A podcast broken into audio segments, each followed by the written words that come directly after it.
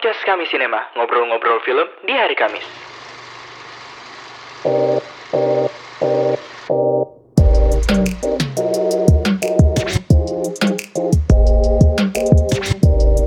check check it check it check it out. Selamat pagi, selamat siang, selamat sore, dan selamat malam. buat kamu yang sedang mendengarkan podcast kami Sinema. Selamat datang di episode terbaru kita, Pegiat Sinema. Semoga sahabat kami Sinema, di mana pun kalian berada, selalu sehat dan tidak lupa mematuhi protokol kesehatan agar pandemi ini cepat berakhir. Hari ini merupakan episode yang istimewa karena kita berbincang dengan sosok pegiat sinema isi Yogyakarta, film dan televisi yang selama ini bergerak dalam memperkenalkan karya-karya film yang kurang dikenal oleh masyarakat. Tentu ini sangat penting karena Indonesia mesti tahu bahwa banyak karya-karya mengagumkan tetapi kurang diperhatikan. Siapa lagi kalau bukan Mbak Maria Kilapong. Ada beberapa pertanyaan nih Kak yang ingin aku tanyain. Eh, pertanyaan pertama itu, sejak kapan sih kegiatan kakak ini didirikan gitu? Eh, kalau misalnya saya saya Sewon itu eh, eksibisi kan, itu udah berdiri dari tahun 2018 awal. Eh, Mhm. Untuk layar-layangnya ya kita aku baru banget bikin baru banget baru nggak ada satu bulan file baru baru Mhm. berapa beberapa minggu aja kayak gitu. Jadi kurang lebih ya tiga tahun ya, 18, 19, 21, iya tiga, tiga tahun, tiga tahun. Masih Hmm. baru banget, masih baru banget, masih masih belajar juga gitu. Oh iya iya iya iya. Oh bagus banget tuh. Aku tertarik banget dengan kegiatan-kegiatan yang berbau seperti ini. Soalnya banyak membantu kan Kak. Eh, ada selanjutnya pertanyaan kedua yang ingin aku tanyain lagi. Eh, apa yang motivasi kakak untuk membuat komunitas ini? Gitu? eh 2018 itu sebenarnya eh, aku tuh aku aku senang sebenarnya aku tuh senang banget ya buat acara. Itu nggak tahu kenapa. Dari semenjak pas masuk isi Jogja, itu kan kita kan bikin banyak acara ya kayak ada perda, ada babat alas. Aku nggak tahu ya mungkin teman-teman masih ngerasain apa enggak. Nah, Hmm. itu aku tuh malah tertarik banget buat acara. Aku seneng aja gitu kayak bikin bikin acara, undang siapa, bikin apa, apa yang kira-kira masyarakat masyarakat ya maksudnya apa yang kira-kira bikin orang-orang senang untuk datang Hmm. kayak gitu. Nah, jadi aku tuh emang senang bikin acara. Nah, Hmm. kebetulan aku tuh punya temen, eh, dia dari tata kelola seni. Nah, temenku itu Hmm. eh, ngajak ngajaklah ke aku, ayo kita bikin acara yuk gitu, sepi banget nih Sewon kayak gitu. Hmm. Terus oh ya udahlah, akhirnya kita eh, berinisiasi, ya udahlah, yuk kita buat bikin acara yuk kayak gitu. Nah, justru malahan acara pertamanya itu nggak di Sewon, Vel. Hmm. Nah, temanku ini yang di tata kelola seni ini, dia tuh eh, waktu itu dia kerja di suatu kafe. Nah, Hmm. tapi dia kerjanya itu jadi bagian kayak aku aku apa ya? Kayak kayak yang yang bikin entah yang bikin acara, entah yang ngelola sosial media gitu loh. Dia dia tuh kerja di kafe itu tuh. Nah, dan kafenya itu ada di Seturan. Jadi bukan di Sewon malah kan yang pertama kali itu. Nah, Hmm. Tadinya emang kita tuh sebenarnya pengennya bikin acaranya eh, bukan acara film, bukan acara eksibisi film, tapi pengennya band-bandan kayak gitu-gitu kan. Hmm. Cuman karena tahu band-bandan itu budgetnya kan lebih besar ya, karena kan kita harus sewa alat kayak gitu dan itu itu tidak murah gitu loh. Hmm. Oke, aku mikir kenapa nggak kenapa nggak screeningan film aja kan kan aku punya banyak teman yang bikin film kayak gitu. Nah kebetulan Hmm. juga 2018 itu ada sorry dan kebetulan 2018 itu aku punya teman yang dia lagi muterin film ya dia dua- dia tuh eh, filmnya baru keluar 2017an akhir pokoknya dia lagi muter lagi muter gitu loh Hmm. ya udah kan kayak oh ya udah kita bikin ya udah kita bikin acara screeningan aja ya udahlah aku bikin acara screeningan itu dan itu tuh em, apa ya banyak banget film yang diputer. Itu tuh bener-bener pertama kali bikin acara uh, film. Eh sebentar sebentar. Tapi sebelumnya tuh aku pernah bikin acara screeningan juga. Waktu itu gara-gara acara layar tancap acara tancap itu kayak acara dari HMJ gitu sih kalau nggak Hmm, salah. hmm, hmm. jadi kayak mahasiswa baru itu bikin bikin layar tancepan terus muterin filmnya eh, kakak-kakak tingkat. Nah itu aku aku juga eh, garapin acara itu tuh. Jadi tuh aku bermodalkan itulah bermodalkan layar tancepan gitu maksudnya bikin acara di kampus. Pokoknya aku bermodalkan bikin acara di kampus kayak gitu. Aku jadi tahu sedikit oh gini oh gini keperluannya. Baru se baru se- sedikit itulah. Nah terus pas bikin eh, acara pertama kali itu itu benar-benar benar-benar apa namanya nggak tahu nggak tahu yang benernya gimana yang bagusnya gimana. Itu aku Iya, iya, muterin iya. 10 film 10 film pendek yang rata-rata ya 10 sampai 15 menit kan panjang banget ya kamu bayangin Iya, iya, itu iya. panjang dan capek banget Itu Terus ya baru tapi mulai, itu Kak? dari situ Itu screeningan itu- itu baru pertamanya? mulai. Oh, Screeningan pertama iya dan itu emang kayak aku aku plan gitu aku sengaja kayak aku pengen teman-teman dari mana-mana gitu kan karena kan kita tujuannya adalah aku tuh mikirnya gini aku harus mendatangkan mendatangkan penonton atau customer kan ke situ kan jadi aku tak datangin yang kira-kira banyak banyak eh, banyak ini ya banyak penontonnya gitu loh. Nah terus em, aku ngundang ngundang teman-teman eh, yang ada ada teman-teman dari Jakarta juga. Terus datang tuh dua orang tuh dia muterin filmnya tuh ada dari Bandung juga. Pokoknya itu lumayan rame lumayan ram- rame banget.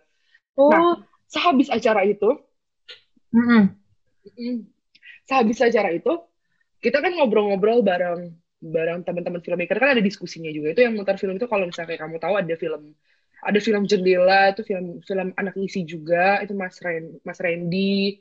Terus Iya. em, pokoknya ada ada film ada dua film yang lagi dominasi Piala Maya pada saat itu. Jadi masih hangat-hangat banget itu.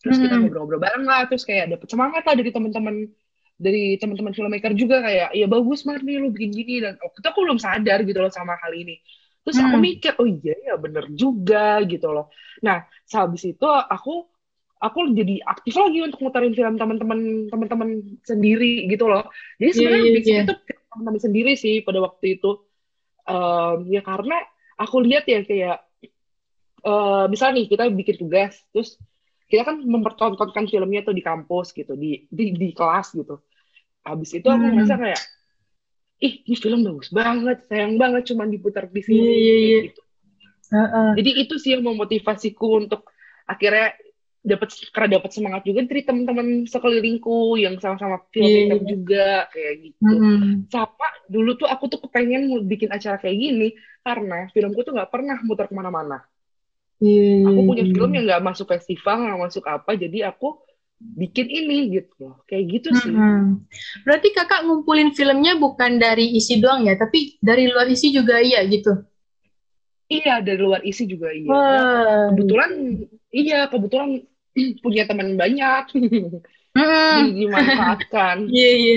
Tujuannya selain memperkenalkan juga cari apa ya, Kak? Kenalannya lebih luas gitu, pertemanannya lebih luas. Terus ada lagi nih, Kak. Kakak kan ada juga nih eh, beberapa film. Eh, filmnya ini Kakak ke mana aja atau bagaimana cara Kakak memperkenalkan filmnya atau kegiatan Kakak ini gitu? Ke mana aja Kakak memberitahu orang, ini nih ada kegiatan ini nih. Gimana sih Eh, caranya gitu? sebenar- sebenarnya aku tuh sebenarnya cuma lewat sosial media tapi dulu-dulu memang kita punya apa kita kerja sama media partner gitu kan dan itu kan juga murah kan kerja sama media partner gratis bahkan bayar tuh cuma Iya. satu sama apa ya sama screening apa gitu aku lupa Eh, itu cuma sepuluh ribu bayarnya Hmm. Hmm. media partner di situ dan itu tuh juga cuma sekali doang gitu loh Vel. Nah ini nih yang bikin aku kaget kayak dari sejak pemutaran pertama terus kedua aku tuh benar-benar kaget loh karena ternyata penonton antusiasme penonton tuh banyak ya. Aku kan bukan dari Jogja ya, aku aku dari Bogor dan memang satu-satunya layar alternatif yang waktu itu aku tahu itu kan Kino Forum kan. Dan itu memang Iya. tidak sebanyak itu penontonnya kayak gitu dan memang ya mungkin kelasnya beda lah ya Kino Forum sama sekali-sekali Sewon gitu. Hmm. Um, dan itu kan orang-orangnya sedikit ya, kecuali mungkin ada acara di Skin Forum apa gimana. Nah, aku tuh aku tuh nggak kira kalau misalnya penontonnya tuh bakal hadir banyak gitu. Dan memang wajahnya tuh mereka-mereka tuh familiar semua, entah teman kampus, entah apa. Tapi tapi banyak Vel. Dan itu aku cuman cuman publikasiin lewat lewat sosmed doang gitu. Karena abis Hmm. itu aku kayaknya cuma satu dua kali satu dua kali yang kerja sama med- media partner. Habis itu tuh aku nggak kerja nggak kerja sama lagi sama media partner Dan Hmm. sebenarnya yang datang itu tuh banyak dari teman-temannya si filmmaker gitu loh, Vel. Itu tuh Hmm. ngundang temen-temen, ngundang, ngundang banget gitu loh, ngundang, ngundang Iya. penonton banget kayak gitu. Oh. Kalau boleh tahu nih Kak, eh, pemutarannya itu di mana sih Kak? Lewat eh, full online nonton gitu atau ada tempat yang pemutaran gitu? Eh, karena waktu itu belum pandemi ya, Vel, itu kita belum perlu pemutaran online, itu masih pemutarannya di tempat-tempat gitu, dia kayak di semacam kafe, dan itu Oh. eh, tempat-tempatnya muter, muter Vel, nggak satu tempat doang. Kita kita ada di kafe, kita ada yang di homestay, di mana aja yang bisa yang bisa kita iniin gitu. Terakhir Oh. itu sekali-sekali sama itu kan kerja sama-sama layar, apa sama jagongan, kita bikin layar jagongan. Mm-mm. Nah itu pemutarannya itu di kafe di Sewon kayak gitu. Dan ini udah apa bakal yang di layar jagongan ini udah jadi pemutaran reguler gitu loh. Cuma nih karena lagi PPKM kita belum berani Iya. bikin pemutaran gitu. Wah, seru banget kayaknya ya. Jadi kalau dari kegiatan kakak ini, eh, siapa aja sih yang menjadi target dari eh, target pemasaran dari film-film kakak atau eh, kegiatan kakak ini gitu? Apakah teman-teman sebaya sama kita atau ada di atas kita gitu? Jadi siapa aja sih kak target-targetnya? Em, karena kita itu ini juga aku baru sadar pas berjalan ini ya. Ya targetnya mungkin sebaya sebaya kita ya, ya umur 18 24 atau bisa yang Hmm. 34 34 apa 18 24 25 33 ya segitu lah ya umur-umur segitu. Nah, Hmm. Kenapa? Karena ya karena kita juga kan media promosinya lewat sosmed begitu dan Mhm. film-film yang diputar juga film-film yang so- apa mereka usianya segitu gitu loh film Mhm. mahasiswa dan film komunitas kan yang usia segitu ya mungkin kalau mereka sudah keluar dari uh, fil- sekolah film mungkin mereka udah nggak buat film lagi ada yang mungkin kerja di mana kerja di mana gitu kan atau ada juga yang Hmm. sudah sudah punya tempat tempat yang memungkinkan untuk perfilmannya dia maksudnya kayak ya mereka udah kerja di PH lah segala macam kayak gitu jadi memang memang buat filmmaker independen yang lagi ya yang lagi pengen muterin filmnya yang pengen dikenal kayak gitu dan Mhm. em, seperti itu sih sebenarnya tid- tidak apa eh, nggak ngelepas anak SMA SMK gitu sih sebenarnya nggak nggak apa nggak apa-apa juga waktu itu kita sempat Iya. nyoba gitu dan emang eh, untuk ini ya masukin film yang anak SMA SMK itu tapi ya memang sayangnya eh, sedikit gitu sih seperti itu dan Hmm. Oh, Mm, iya. jadi akhirnya ya udahlah nggak mau bukan nggak mau maksudnya kayak ya udah kita fokus aja di di targetnya kita Hmm. itu gitu kalau ini yang untuk eksibisinya ya gitu Iya, iya, iya, iya. Eh, dari kegiatan kakak ini kan melekat banget nih kak dengan distribu distribusi, produksi gitu. Jadi menurut kakak nih, seberapa pentingkah menurut kakak distribusi itu dalam produksi suatu film gitu? oh itu penting banget Vel Hmm. jadi aku itu aku kan juga sekolah film juga aku juga bikin film juga Iya. aku em, sel- selalu yang jadi yang jadi eh, problem problem aku adalah kenapa film aku ini tidak ditonton banyak orang maksudnya ini film Mm-mm. ada gitu loh tapi Mm-mm. kenapa nggak ditonton gitu loh Hmm. dan itu aku juga ngelihat sama film teman-temanku juga gitu loh Nah, Mm-mm. distribusi itu pen, eh, distribusi itu sama pentingnya sama produksi karena kan film itu adalah sebuah produk kalau misalnya dia tidak tersampaikan ke audiensnya film itu tidak bergerak ke audiensnya nggak ketemu sama penontonnya ya buat apa kayak gitu. Ya memang ada sebutannya ya ya home home movie gitu loh itu kan ada ya home movie ya itu itu kita nggak ngomongin itu ya kita ngomongin ya film Iya. ya film produk ini. Karena kan Heeh. kita saat kita bikin film itu aja kita kan mikir target audiens itu kalau misalnya kita belajar film kan di desain produksi itu bikin target audiens buat siapa ya itu Mm. itu kan nggak kena gitu loh Iya, iya. dan menurut aku ya apa ya film gak ada film jelek gak ada film jelek gak ada film bagus adanya film ya yang selesai filmnya ketemu sama penontonnya kayak gitu Mm-mm. dan itu harus di harus di harus di sorry apa ya ya itu harus harus di distribusi itu tuh harus Iya, iya. dipikirkan semenjak sebelum sebe- sebelum sebelum selesai filmnya masih development tuh kita sudah mikir ini film buat siapa dan bagaimana cara distribusinya kayak gitu.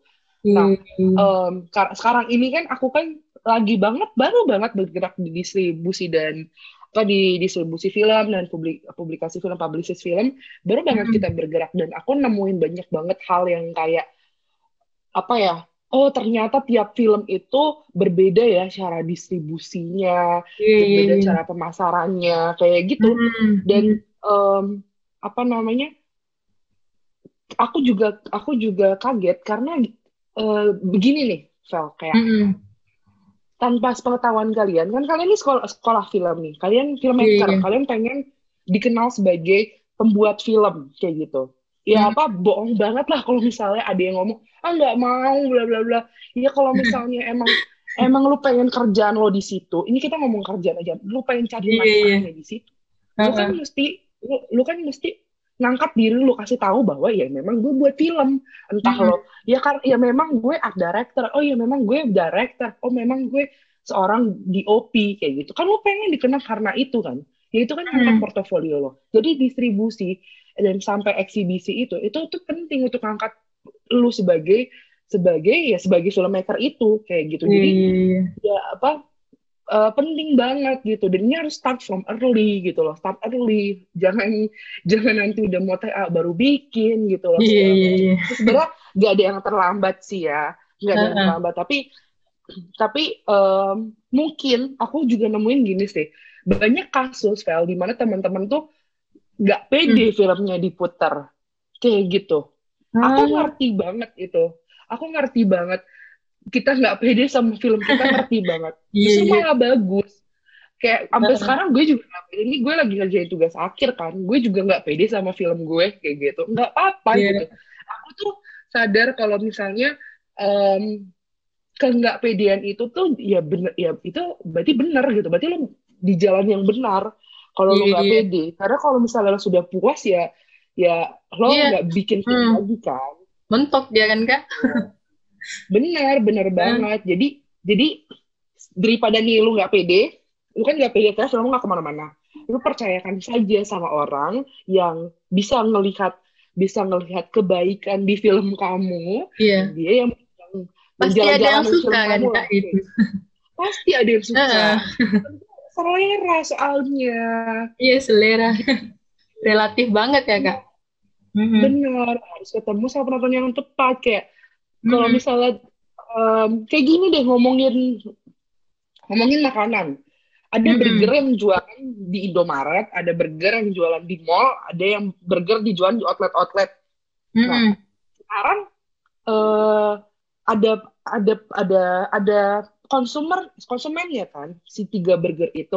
Burger yang Iya. jualan di depan Indomaret bukan berarti lebih rendah dibanding yang jual di mall, yang jual di outlet-outlet. Enggak, tetap ada tetap ada pembelinya kayak gitu Mm-mm. enak apa enggak ya tetap ada pembelinya relatif semua gitu ya kamu dengan harga Hmm. segini kamu bisa mendapatkan segini tapi tetap ada pembelinya ya kayak gitu sih sama dengan Hmm. film makanya kita harus mikir film kamu ini produk juga loh kayak gitu film kamu ini produk juga gitu kayak Iya, gitu iya. sih Vel jadi Hmm. penting banget.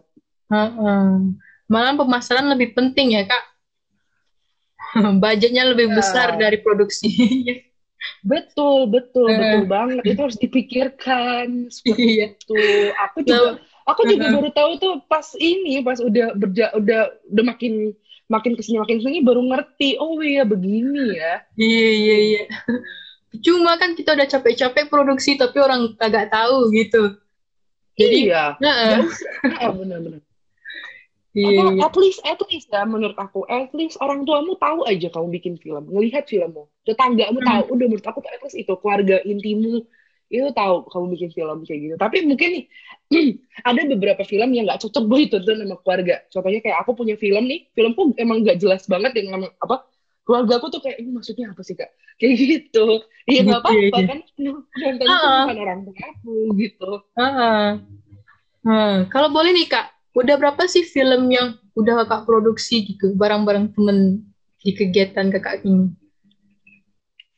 kalau aku sebagai pembuat film, aku udah produksi berapa ya? rata-rata tuh film tugas sih. Aku film tugas. Bentar aku hitung dulu. Eh, Satu, dua, nggak tahu, kayak tiga, empat, lima. lima. Film lah, mungkin lima film. Lima, enam Oh. film yang film tugas, terus film bantuin teman, kayak gitu. Wow, banyak juga ya. Tapi kayaknya banyak deh. Pasti banyak lah. Iya, sekolah film setiap semester bikin film. iya ya. Heeh. Hmm. Oke, Eh, sebagai wadah, ini kan eh, kegiatan kakak ini kan juga wadah untuk memperkenalkan film-film. Terus pasti butuhkan biaya kan kak gitu, sumber daya atau rekan kerja gitu. Dari mana sih kakak mendapatkan modal atau biaya tambahan eh, untuk eh, kegiatan ini? Terus ngumpulin orangnya gitu, ngumpulin orang-orang itu yang agar mau bekerja sama dengan kakak itu gimana sih caranya gitu? Ini pertanyaannya juga sebenarnya masih masih saya masih aku mencari ya seperti itu. Hmm. Kalau dananya sendiri, aku berbicara yang ini aja yang eh, selama yang kemarin itu, itu kita dananya itu itu dari pribadi, jadi ya dana masing-masing kayak gitu. Ya Hmm. kayak gini lah misalnya kayak kamu bikin film aja kan kolektif, maksudnya eh, duitmu kolektif, Iya. duit temanmu, duit kamu segala macem, ya udah kayak gitu. Kamu apa aku gini, aku menginvestasi diri aku untuk Iya. Eh, untuk se- sebagai eksibisi gitu loh, sebagai eksibisi bikin acara segala macam. Aku menginvest- invest- menginvestasikan diri aku seperti itu. Makanya aku mau untuk untuk ngeluarin duit buat ini kayak gitu. Ya memang tidak balik modal sekarang, tapi kan Iya, iya. em, apa ya, apa aku me- melakukan apa yang hal yang aku suka kayak gitu. Nah, Mm-mm. mungkin teman-teman ada yang mencintai sesuatu, menginvestasikannya bisa bisa simpel beli baju yang bagus kayak gitu. Beli Mm. Beli kamera, beli laptop segala macam, beli sepeda Iya. yang lagi ngetren sekarang kayak gitu. Nah, Mm-mm. ya aku salah satunya itu gitu, bikin acara gitu. Nah, em, kalau untuk mencari teman-temannya sendiri sebenarnya paling enggak carilah temen yang sevisi sama kamu. Udah itu aja. Dan Hmm. eh, nanti nanti kan saat jalannya ini aku juga baru ber- apa aku sudah melewati itu dan mungkin apa ya aku nggak tahu ya ini kan baru tiga tahun aku masih kecil banget di di industri ini sangat kecil banget. Nah Iya. mereka juga datang dan pergi gitu loh maksudnya sevisi pun Hmm. bisa datang dan pergi gitu loh apalagi karena ini kan bukan uh, dan dan gak kenapa-napa sih menurut aku seperti itu kayak gitu. Jadi at least cari teman yang sevisi lah sama kamu. Kenapa? Karena sevisi itu akan support kamu kayak gitu loh. Akan selalu Iya. support kamu. Karena siapa sih yang mau bekerja bekerja ini kan bekerja jatuhnya ya jadi Mm-mm. merasakan bekerja tapi tidak bekerja gitu maksudnya kayak ya memang karena doing doing this uh, with love Mm. dan ya udah Passion dan namanya aja passion ya kak. Iya, passion bener banget dan dia Bener. mau menginvestasi ya oke lah kalau mereka nggak mau menginvestasi secara dana gitu tapi menginvestasi energi itu kan juga salah Iya. satunya gitu Mm-mm. ya berarti berarti itu carilah orang yang memang sevisi sama kamu sepassion sama kamu gimana caranya ya udah ngobrol lah ngobrol ketemu Mm-mm. orang kayak gitu. Terus start dari start dari teman-temanmu dulu aja circle kamu dulu aja. Start dari mereka kayak gitu. Kasih kasih kasih ide eh gue mau bikin ini menurut lo gimana deh? Kayak gitu. Ya biasa kayak kamu mau bikin film kan sama. Kayak gitu. Mm-mm. dan nanti di jalan eh, menurut aku nggak usah yang hitam di atas putih dulu ya menurut aku. Karena ini kan kita masih nyari masih nyari partner kayak gitu. Iya, nanti iya. kamu tahu sendiri yang cocok buat kamu yang mana yang baik buat kamu gimana kayak gitu. Terus Mm-mm. satu kala pasti nanti ada ada rasa rasa rasa bosen kayak gitu tuh pasti pasti ada. Tapi nggak apa-apa. Dan aku juga aku sejujurnya jalanin itu tiga tahun tuh nggak nggak aku paksa tiga tahun gitu loh Vel. Kayak aku pengen ini terus terus berjalan kayak gitu. Nggak selalu gitu gitu. Aku pernah Mm. pernah di posisi kayak ya Allah gue bosan banget sih bikin ginian apa gini gini gini. Sempat sempat kayak gitu. Tapi ternyata Iya. tetap aja orang karena tahu ada sekali sekali sewon kalau mau bikin acara mau bikin eksibisi yang ngundangnya sekali sekali sewon kayak gitu. Mm-mm. ya apa hal-hal hal itu sih yang akhirnya bikin aku support lagi gitu. Karena aku tuh em, orang yang nggak mau nolak opportunities gitu. Kalau aku tuh aku tuh gitu ya. Jadi kalau misalnya ada ada kesempatan dikasih kesempatan ya udah aku ambil kayak gitu. Selama itu tidak mengganggu prioritasku. Kalau aku tuh gitu. Iya, iya, iya. Ini Kak, eh, aku lihat Instagramnya sekali nonton itu, eh, aku lihat beberapa film itu Kakak sutradarai gitu. Jadi selain sutradara, posisi apa aja sih yang pernah kakak tempati gitu? Iya, em, aku pernah jadi sutradara, pernah jadi biasanya tuh sutradara, terus penulis, terus Mhm. art director, sama apa lagi ya? Udah sih itu doang kayaknya. Terus ya editor Hmm. saya basic sih, maksudnya kan anak sekolah film ya kan harus bisa semuanya, hampir semuanya kan. Iya, Itu iya. sih sutradara segala macam itu. Heeh. Kayak kayak gitu sih. Mm-mm. Hmm. Ini pertanyaan penutup nih Kak. Eh, apa yang ingin Kakak sampaikan atau harapkan eh, pada teman-teman kita yang juga bergerak dalam produksi film ke depannya gitu? Em, apa ya? Hmm. Mungkin apa ya? Hmm, bingung aku. Sebenarnya aku lihat gimana ya, Vel? Eh, aku lihat eh, anak-anak zaman sekarang tuh pinter-pinter banget. Zaman sekarang aku zaman kapan? Iya. Sebenarnya kayak teman-teman teman-temanku apa terus adik tingkatku aku ngerasa kalian-kalian tuh pada pintar-pintar banget. Aku tuh tiap bikin bikin acara pemutaran. Sekarang aku kan lagi dan sekarang kan lagi bergerak di distribusi film, aku nyari-nyari film juga. Iya. Itu tuh aku surprise banget loh sama cerita-cerita cerita-ceritanya mereka, ide-ide yang mereka mereka tawarkan. Itu keren-keren Iya. banget. Sampai gue kayak bingung gitu, astaga, astaga, keren banget gitu kok lu bisa sih mikir kayak gini gitu aku Mm-mm. juga aku juga eh, kaget banget gitu loh nah tiap kayak misalnya ada screening yang apa screening yang apa itu undang maksudnya kayak nanti nih eh, bikin film apa gitu. Buatlah screeningan buatlah pemutaran. Nggak usah nggak usah pemutaran eh, online bisa atau offline bisa. Kamu undang undang orang-orang gitu loh. Undang temenmu undang siapa undang siapa. Orang tuh bakal Hmm. seneng buat nonton. Dan apa em, kenapa kayak gitu ya? Kamu harus ngerasa bahwa filmmu itu tuh penting gitu. Filmmu penting untuk dibicarakan. Karena kamu kamu aja sendiri udah mau untuk bikin film itu gitu loh. Mau buat Iya. eh, iya gitu kan mau mau Mm-mm. buat bikin film itu berarti ya harus film itu juga harus tersampaikan dong sama penonton kayak gitu Iya. jadi em, jangan lupa buat buat buat mendistribusikan filmnya, buat buat biar filmnya tidak hanya tidak hanya berhenti di di pemutaran pertama atau pemutaran di kelas-kelas gitu. Mm-mm. Dan bahkan ya jangan juga berhenti di pemutaran yang pemut- apa pemutaran festival atau pemutaran eksibisi gitu, jangan jangan berhenti kayak gitu. Iya. Em, gimana cara sebenarnya gini, Val? Hmm. kita tuh kan eh, apa balik lagi film itu tuh kayak in- secara industri ya film itu sebenarnya mirip kayak eh, industri-industri lainnya jadi kayak memang ada produksi ada distribusi ada eksibisi itu tuh panjang itu panjang perputarannya bahkan ada edukasi macam ada tujuh apa ada apa enam ekosistem perfilman apa tujuh ya aku lupa nah itu itu ada ada seperti itu nah Mm-mm.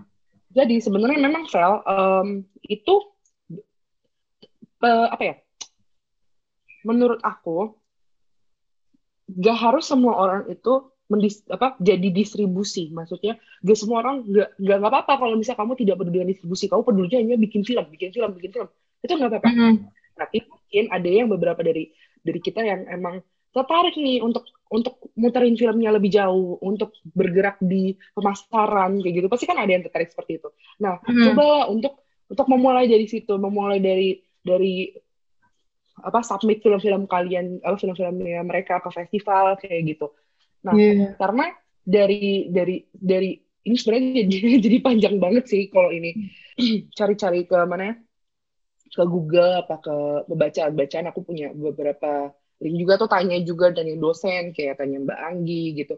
Nah, Iya. em, tujuanmu bikin film itu misal kamu taruh di festival tapi memang ada beberapa filmmu mungkin yang nggak festivalable Mm-mm. festivalable tuh apa sih ya beber- beberapa, festival kan punya punya standarnya mereka kan punya film-film yang mereka mainkan tuh seperti apa sebenarnya kamu bisa lihat tuh tiap festival tuh even festival uh, sound screening pun itu punya punya punya pakem-pakemnya sendiri punya uh, template-template sendiri film-film apa yang seperti yang, yang sepertinya akan diputar gitu nah kalau kamu filmnya tidak masuk festival, ya jangan sedih gitu. Jangan sedih.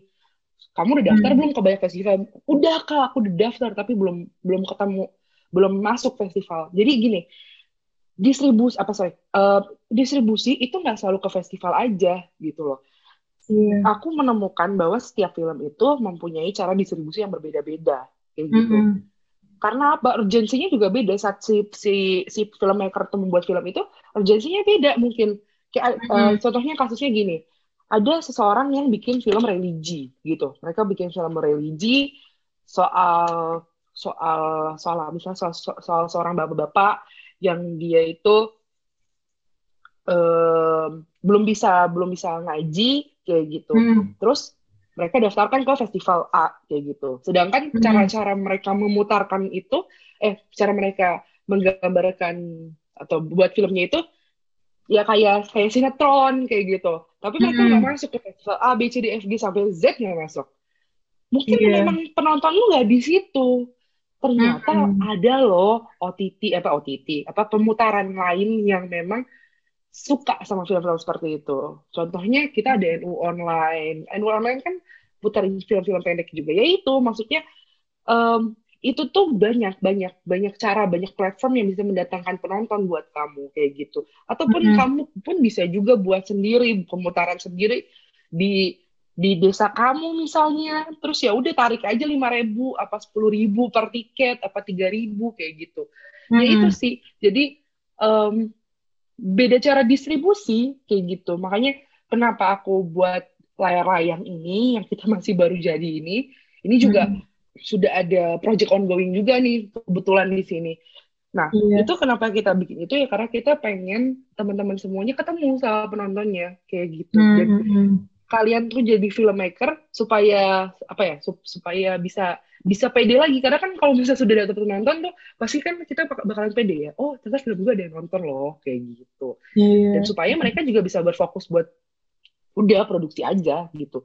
Mm-mm. kayak contohnya kamu misal kamu directors kamu sutradara ya udah kamu berfokus berfokus sama bikin film nextnya aja kayak gitu. Nanti biar biar kami yang mengurusi mengurusi distribusi film kalian seperti itu ngomongin distribusi itu panjang banget kayak banyak Iya. hal-hal yang mesti kalian tahu kayak gitu kayak Mm-mm. gitu sih Bu. jadi mungkin kalau misalnya ada teman-teman yang pengen eh, ternyata saat saat proses membuat film dia lebih senang dengan dengan mas bikin sosmed film terus misalnya bikin konten apa apa segala macam mungkin Iya. kamu suka suka jadi dis- distributor atau suka, suka jadi publicist kayaknya gitu karena memang belum banyak juga sih belum banyak Hmm. distributor distributor dan publicist tuh masih belum banyak maksudnya kalau kita ngomongin sebanyak rumah produksi ya jauh Hmm. banget kayak gitu itu Iya. jadinya malah nggak imbang jadinya nggak imbang karena apa nggak imbang ya ya kalau misalnya distributornya dikit tapi tapi apa produksinya banyak akhirnya Mm-mm. kan jadi jadi terlalu banyak film yang tidak ke mana-mana kayak gitu Mm-mm. seperti Mm. itu sih Neng. jadi em, ya apa namanya ya itu sih kayaknya aku mau ngomong mau ngomong itu sih mungkin Iya. Wow, keren banget ya kak. Terpacu juga aku nih dengar cerita kakak. Eh, Karena passion itu bukan semata nyari untung ya kak. Jadi kalau bantu orang lebih bermakna gitu kan hidup kita jadinya. iya iya Oh iya. benar Oke, sampailah kita di penghujung podcast. Terima kasih banyak Kak Maria bersedia berbagi ceritanya pada kita semua. Sehat selalu, semoga kegiatannya bisa berjalan dengan lancar. Karena niat baik akan selalu ada jalannya Kak. Amin. Amin. Iya. check it out. Mm-mm. Terima kasih sebesar-besarnya pada teman-teman yang sudah mendengarkan podcast kami Sinema. Saya Felina Sugawi, izin mengundurkan diri. Sampai jumpa di episode selanjutnya.